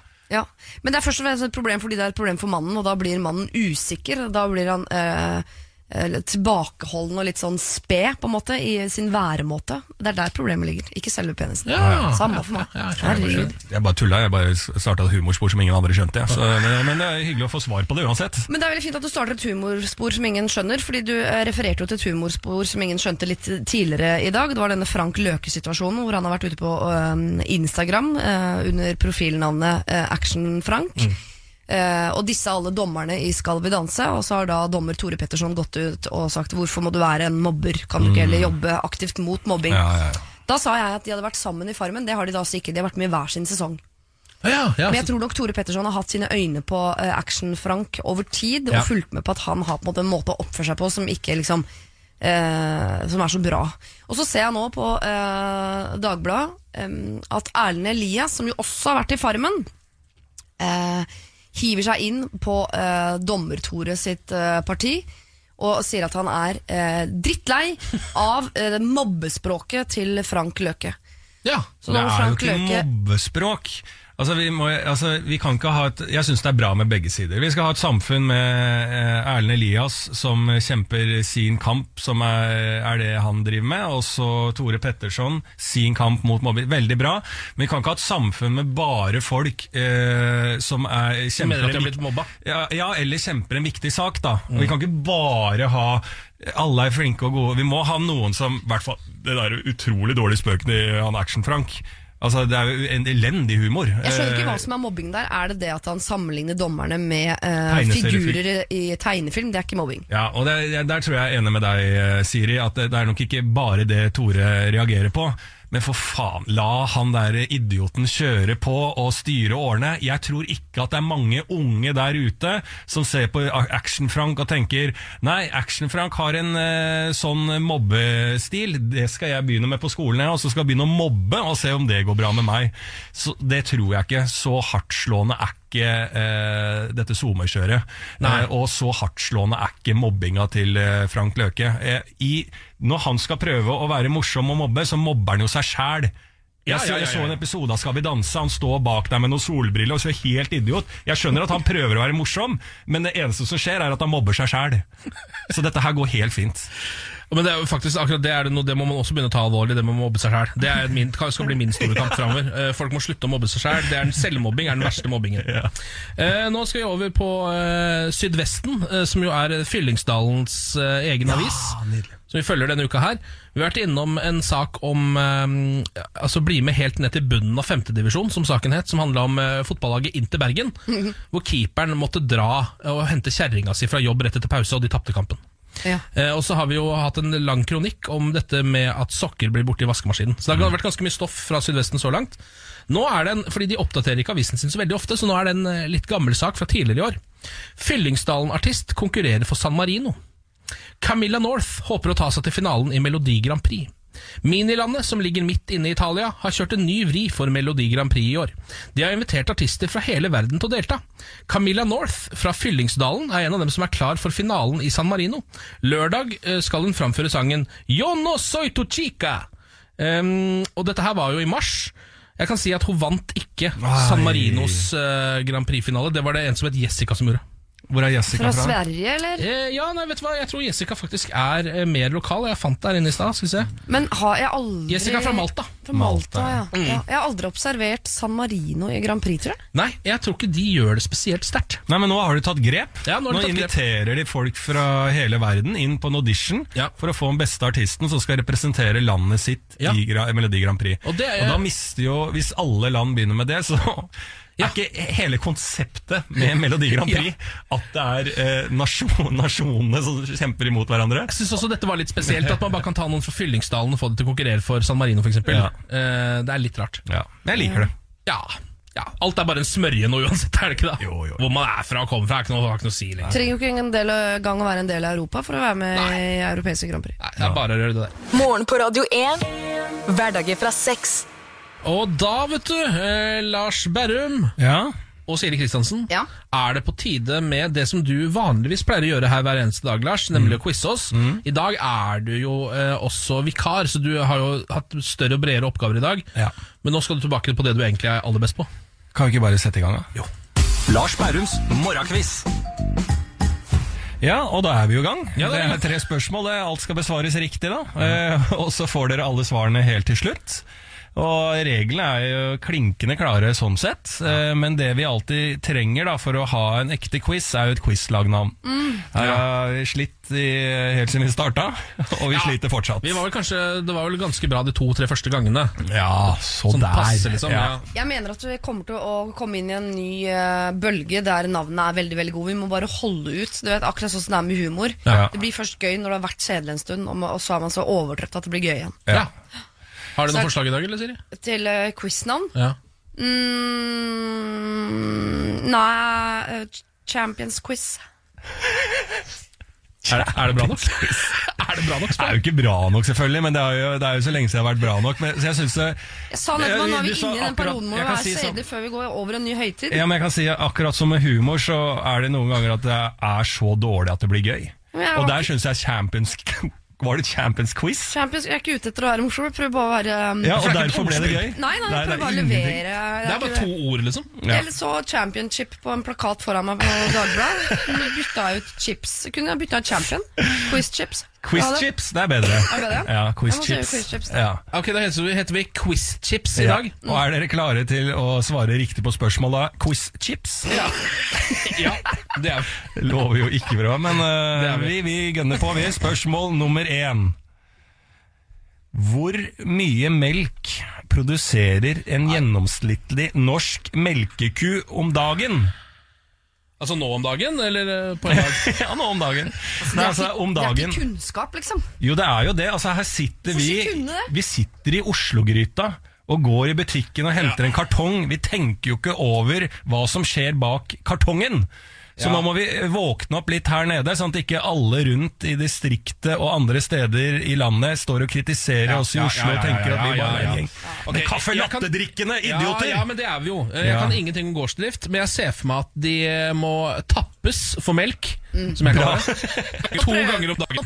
Se for meg, meg uh, jura til en ku opp mot en tiliters 10 liter, ikke sant?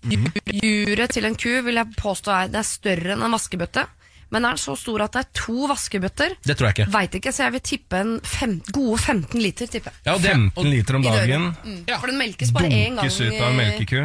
Ja, Er det bare én melking? Hvis ikke det er noe sånn uh, anabol steroidmelkeku nå som melker Nei, nei, opptil tre nei, ganger i nei, nei, nei, nei, vi skal inn til det normale svaret her. Hvor 15. mye melk produserer en gjennomsnittlig norsk melkeku om dagen? Ja, vi prøver 15. vi. 15 liter? Mm. Ok, da går vi til 25. spørsmål nummer to.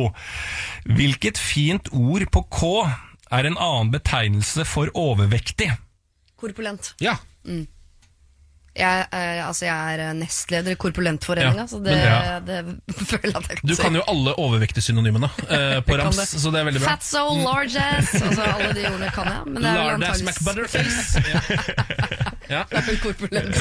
Ja. Eller er det kvapsete? Kan det være kvapsete? Det kan være kvapsete, det kan være korpulent, det kan være Ja, det kan være, det kan være så mangt. Kembo? Er det Kembo? Mm, det kan være det. Ja, nei, men altså, Korpulent er i hvert fall et ord som brukes, så vi går for det. Ja.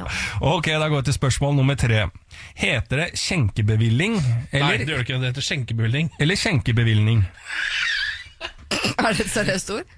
Er vi over i Ja, SKJKJ-fakta? ja, nei, nei, altså, Det er bare talefeil som Lars har. han klarer ikke å si Han sier Ok, Ja, men hva er da spørsmålet? Det kommer ikke altså det, mer det kommer, Dere er bare for gamle, så dere har ikke vært Dette var et vanskelig spørsmål, jeg har jo ordfeil. Men det er fordi at det kommer, alle snakker sånn. Det er bare dere er akkurat gamle nok til at dere har riktig norsk på sånn SKJ-KJ-greier. Ja, det er sant, det. Men la meg si det som dere sier, da. Ja. Heter det skjenkebevilling eller skjenkebevilgning? Altså N på slutten er ute etter om Ja. N skal inn eller ut. Men jeg sa det riktig nå. Eller bevilgning? Altså, Ja. Det er vel eh, altså, etter alle solemerker en bevilgning, men da blir jeg liksom på en måte litt sånn Å ja, kanskje, men da er det feil, da, for dette virker som et lurespørsmål. Ja, men det er jo, altså det er jo regel, det er jo ikke sånn 'Å, jeg er villig til å la deg skjenke'. Så det, her er jeg skjenkebevillig. Altså, det er det er jo en bevilgning. Ja, jeg må ha svar her Ja, vi går for bevilgning. Ja, N må inn. Bevilgning. Og vi Ja. øker fra 15 til 18 liter på Ah, kua. ok, Ja. da får vi spørsmål, spørs- spørsmål nummer én var da hvor mye melk produserer en gjennomsnittlig norsk melkeku om dagen. Her svarte dere da til slutt 18 liter. Ja. Det stemmer. Det er 20 liter! Ja, men det er jo poeng! Ja, det skal dere få Det er poeng. Det, er, det skal dere få, og det er nok et be Eller kanskje det eneste beviset på at vi nede i Kaffe Latte-gryta her Vi har litt peiling! Ja, vi har det. Eller dere, i hvert fall. Ikke kast latte på meg. Nei. Spørsmål nummer to. Hvilket fint ord på K er en annen betegnelse for overvektig? Dere svarte korpulent. Kem, Kembo. Det er Kembo. Nei da, det er korpulent. det er veldig bra. To av to. Og så var det da dette fantastiske spørsmål nummer tre. Heter det skjenkebevilgning eller skjenkebevilling? Det er et spørsmål du har sugd fra egne patter, eller? Heter det Schengen-avtalen eller Schengen-avtalen? Og jeg er da ute etter avslutningen på ordet. Bevilling eller bevilgning. Ja. Eh, Dere svarte da bevilgning. Ja. Skjenkebevilgning. Ja. Det er skjenkebevilling. Ikke bevilgning et ord, da? Ikke det er et ord? Jeg har aldri hørt det i andre sammenhenger. Det er skjen, skjenkebevilling. Skjenk, Bare gå rett på bevilling du, Ja. den delen av året. Ja. Foran det får vi ikke til. To av tre poeng på oss, da. Takk, takk skal du ha, takk skal du ha Lars. Morgen på Radio 1. Ehm, nå har jeg en eh, sak som handler om luftfart, men først og fremst om pizza. da flyet ble forsinket, ringte kapteinen nærmeste restaurant og bestilte 40 pizzaer.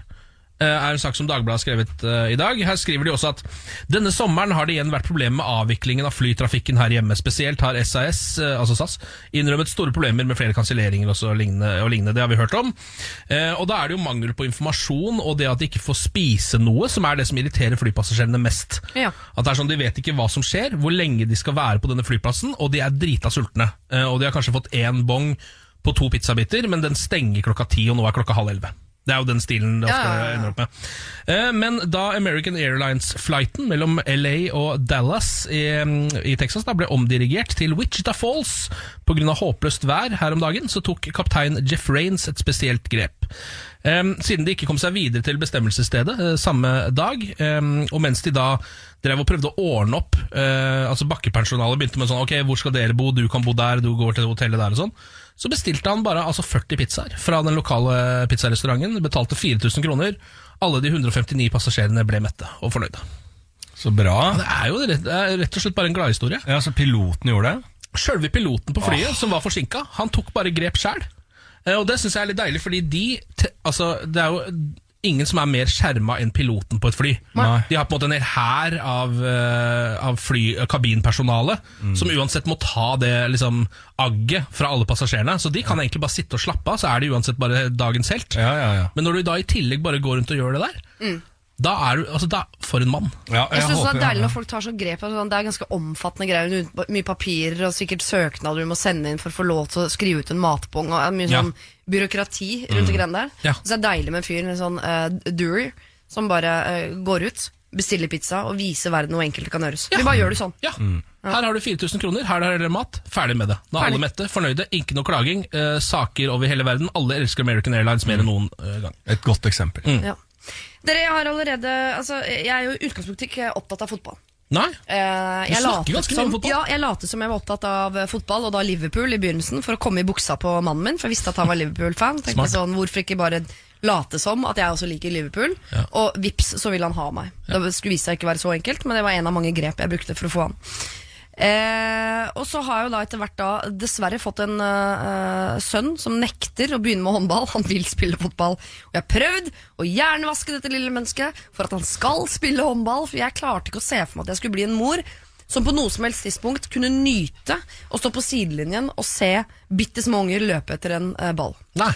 Eh, når jeg syns det er kjedelig å se voksne som kan det gjøre det, da kan det ikke være gøy å se barn gjøre det. Nei, for det er jo noe helt annet med håndball. Der løper det ikke etter en ball. Ja, men det er lettere å mestre håndball i begynnelsen.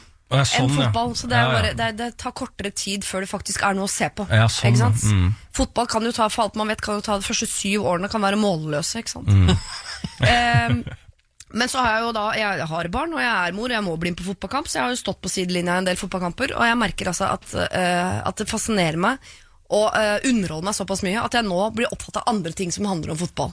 Ja. I dag for jeg klikket meg inn på saken om uh, da Avaldsnes spilte mot Lyon, og Ada Hegerberg da har vært på norsk sokkel og spilt fotball på, for første gang på mange år, og folk hyller henne. Det er en nyhet jeg vanligvis ikke ville klikket på. Det gjør jeg nå. Men det jeg ville fram til, var at i går så fikk jeg ikke sett min sønn spille fotball. Uh, han har så langt i sitt eh, korte liv aldri skåret mål. Og jeg har prøvd å fortelle han at når man er forsvarsspiller, så skårer man ikke mål. Men for hver gang du stopper eh, de andre fra å score mål, eller de gangene han har vært keeper, redder en eh, redder, så er det det samme som å score. Ja, du prøver å Mm. få Jeg prøver å få han til å tro det. Ja, Eh, Du og- skal og selv om jeg mener sånn fostre opp en forsvarsspiller. Ja, og teoretisk sett så er det jo det å redde et mål Er det samme som å score et Ja, mål, ja, ja. egentlig Men jeg skjønner at du hører jo ikke om de gode forsvarsspillene og sånn. Det er spiss, alle vil være spiss, og alle vil Ja. score For det er, det er det man hører om Så sitter jeg i går og spiser en eh, middelmådig rødbetsalat eh, for, å, for å prøve å være sunn Sånn at jeg kan spise makroner fra 12 år ut Eh, Og så får jeg melding da fra min deilige mann Hvor det står Jesper har Nei. Og det var- Jesper har scora. Og da sitter jeg altså alene, spiser rødbeter og gråter på restaurant. Jeg blir så engasjert jeg har blitt i fotball nå, at jeg gråter over at min, eh, min åtte år gamle sønn har scora sitt aller første Ja, fotballmål. det en liten applaus for Jesper. Men altså, er ikke det litt eh, Det må jo nesten være som å liksom ikke være der når han sier sitt første ord. At Ja, du- litt. Ja. Absolutt. Eh, Jeg fordømte rødbeter og alt rundt meg, men han var altså så, og han har snakket om det lenge at han bare vil, han vil, han vil, han vil, han vil, han vil score. Og så ringer sønnen min meg da en halvtime senere, og det viser seg at han har ikke bare scora ett mål, han har scora to pene mål. To pene mål, altså det fra hyggelig. null til to. Eh, Nå er, nå er han en målskårer, og jeg blei tigermamma med en gang. Altså, jeg, har vært, jeg ringte eh, mora til Jon Arne Riise og spurte er det plass flere i stallen. Jeg ringte mora til en annen på laget som ikke har scora ennå, og sa sånn Sucker! Ja, ja, jeg ble Nei, grusom. nå, er det bare nå må du bare få pusha Jesper til utlandet. Han må komme seg ut nå. Ja. Ja, han skal til utlandet. Send han til Monaco eller noe. Morgen på Radio 1. Hverdager fra seks. Um, og siden eh, dere er vikarer, folkens, så har jo dere også fått et ansvar for å ta med dere de spaltene som de som vanligvis sitter her, eventuelt skulle ha utført. eh, og for din eh, del, Siri, så betyr jo det at du har Niklas Baarli sine spalter. Ja.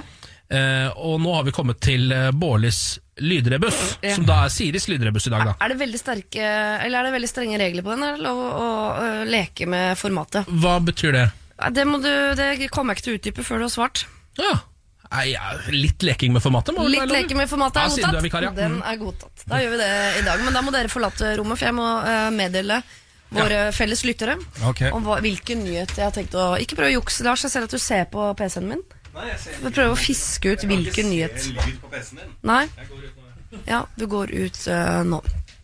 Ok, dere. Eh, først vil jeg benytte anledningen til å si om Lars og Ken når de er ute av øh, rommet. At uh, Vi snakket tidligere i dag om at Paul McCartney har stått fram om at han har hatt runkering med de andre medlemmene av Beatles. Og både Lars og Ken er sånn Hørt om konseptet, aldri prøvd. Jo da. Jeg har masse, altså jeg har timevis med videomateriale av at Ken og Lars har uh, runkering.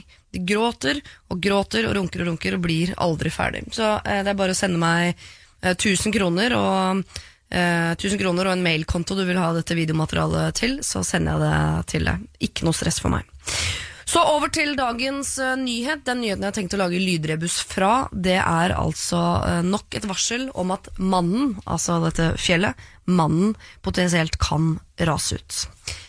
Ja, Ken, Lars. Da er det bare å eh, sette seg ned, finne sine plasser, vaske seg på hendene og kose seg. Ja. Vi er på plass. Dagens uh, lydrebus den skal jo vanligvis bestå av tre lyder. I dag vil jeg heller påstå at den består av uh, to, fire, seks eller åtte. Altså det er to lyder her som kan loopes på mange måter. Er dette lekinga med formatet? Nå Ja, angrer jeg litt. Jeg kommer til å gi to lyder, men det er mulig jeg bare gir de om igjen og om igjen. og om igjen Hvis det er greit for Vi skal fram til En nyhetssak. ja. nyhetssaken. Mm, det er helt riktig. Ok, Første lyd her er pip, pip, pip. Pip, pip, pip. Pip, pip, pip. Pip, pip, pip. Pip, pip, pip. Pip, pip. Lyd nummer to er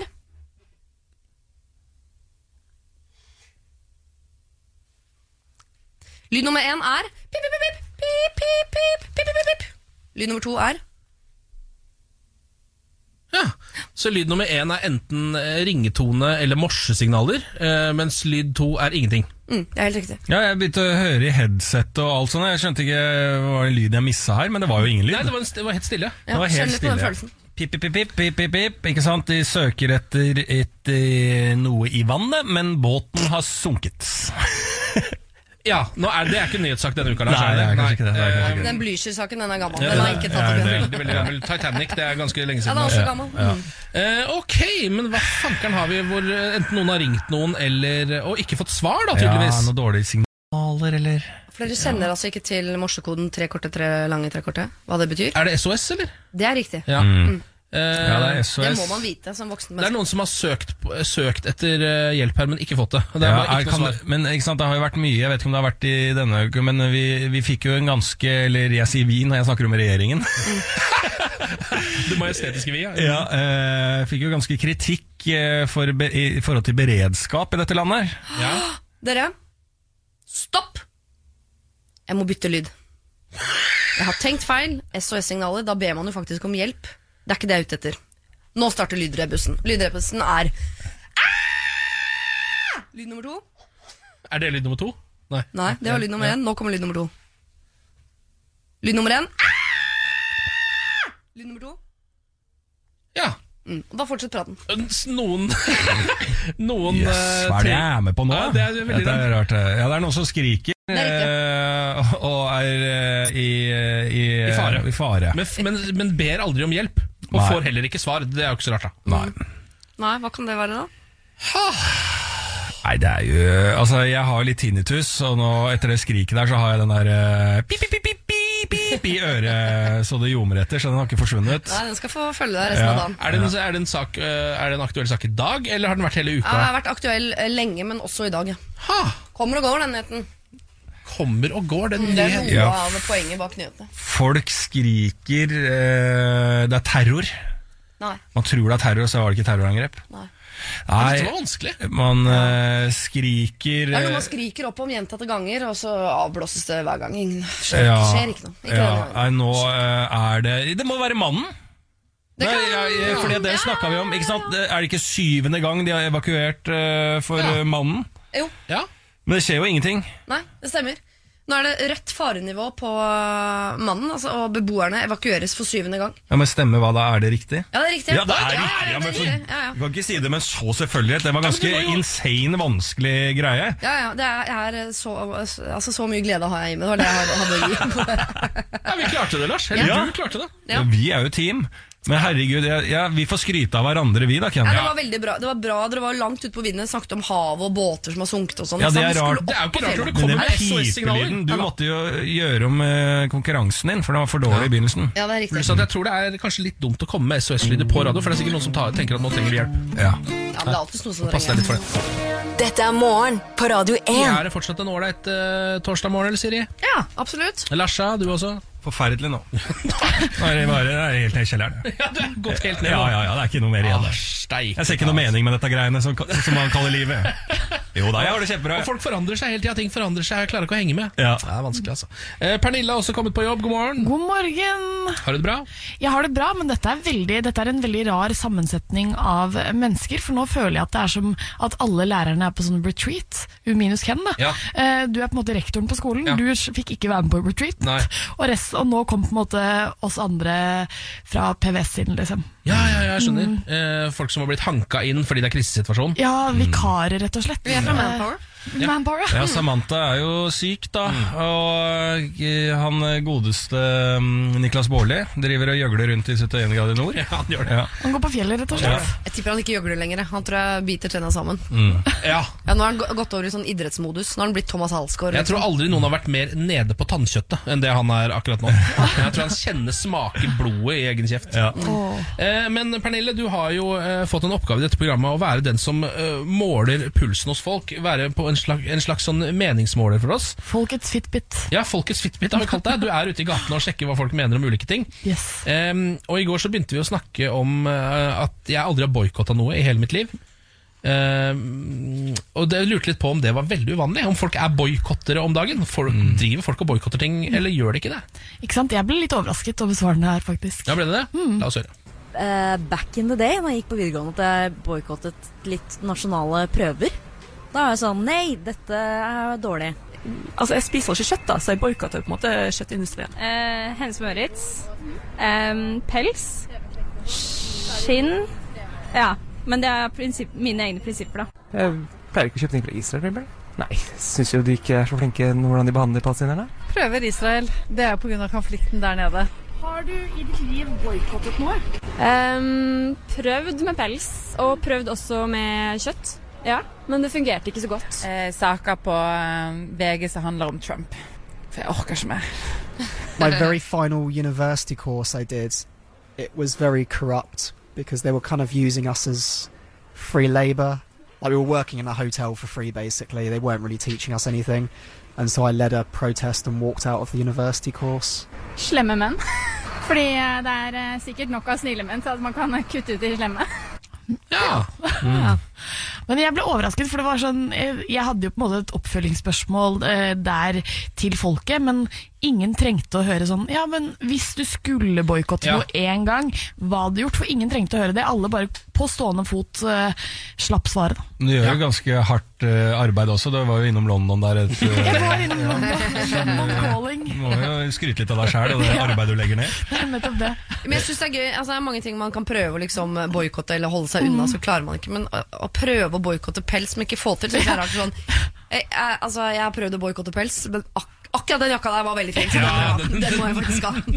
Altså, også boikottet sånn produkter fra Israel. Så Så tenkte jeg liksom over hva er det vi får fra Israel? Da? Altså av mat og Det er ganske mye greier som Er det det? fra Israel, ja, ja, ja. Hva er, det- hva er det spesielt? da? Er, Jeg husker det en av de første Camphordropsen fra Cherrytomater eksempel, kan veldig ofte være fra Israel. Å, herregud. Det er en del klementiner òg. Ja, en del klementiner og appelsiner også. Ja. Jøss. Ja, det har jeg spist masse av. Ja, det har du. Ja. Fordi sånn, Jeg også vil boikotte ting fra Israel, men jeg har aldri researcha hva som er fra Israel. Ja, det ser du, det, altså, det å boikotte er jo en heltidsjobb. Mm. så man må virkelig gå inn i det med liv og lyst. Hvis ikke så er det ikke noe vits å prøve engang. Men apropos å eh, ønske å holde seg unna ting, men ikke klare. Jeg har jo eh, For bare noen få timer siden så klarte jeg ikke la være å stå opp klokken tolv på natten inne på hotellrommet, gå bort og spise makroner som jeg hadde stjålet til unga, som jeg ikke engang liker, og døtte ned på åtte stykker.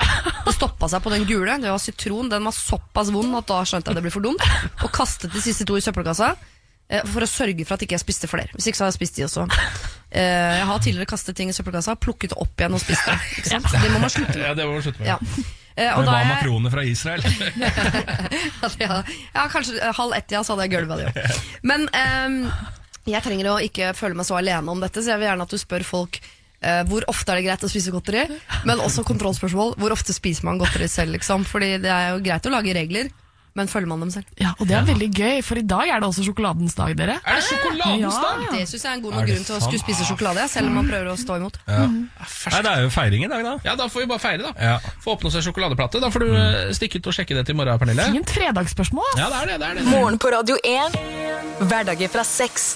Og la oss uh, ta tak i kanskje jeg vil vel si min første faktisk.no-sak som jeg tar opp her. Ja, det er jo en Eh, meget god nettside. Ja, og faktisk.no, for de som ikke vet, det er jo et samarbeidsprosjekt mellom mange nyhetsportaler, kanaler, eh, for å da bli kvitt fake news, at man kan liksom gå inn der og føle en trygghet, da. Ja. Men de som kjøper fake news, stoler vel ikke på faktisk.no, så det er vel eh, Nei. Men ikke det er, noe effekt, da. Nei. Dårlig navn vil jeg altså bare skyte inn der. Faktisk. For det er så innmari pubertalt ord. Faktisk. Det, Ja. høres, det høres ikke smart ut. Høres ut som du er 14. Ja, ja. er helt sant. Eh, men det, de skriver da ingenting tyder på at det er farlig å spise GMO-mat. Hva er det for noe? Er det... Genmodifisert Ja. mat, ikke sant?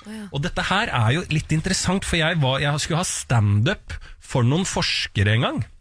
Så jeg satt sammen med sånne matforskere og sånn. Eh, og, de, og jeg var litt sånn Ja, GMO det er dritfarlig. Genmodifisert mat, sånne svære tomater og sånn. Og så tenkte jeg skulle få de på ja ja, ikke sant. Men de bare Å ja, hvordan har du tenkt å redde verden i fremtida, du da? Ja, Og så bare, De bare brøt meg ned helt. Og bare sånn, Det er jo ikke noe farlig, hva er det som er farlig med det? Og jeg bare Nei, men det er jo Så hadde jeg ikke noe argument. Hadde ingenting. Ja, ja, ja. Jeg bare bor på Grünerløkka, jeg tror jeg kan ting. Ja, ja, ja. Eh, Gøy å prøve å være smart i et rom full av forskere. ja da, jeg er enebarn full av selvtillit, men blir fort plukka ned.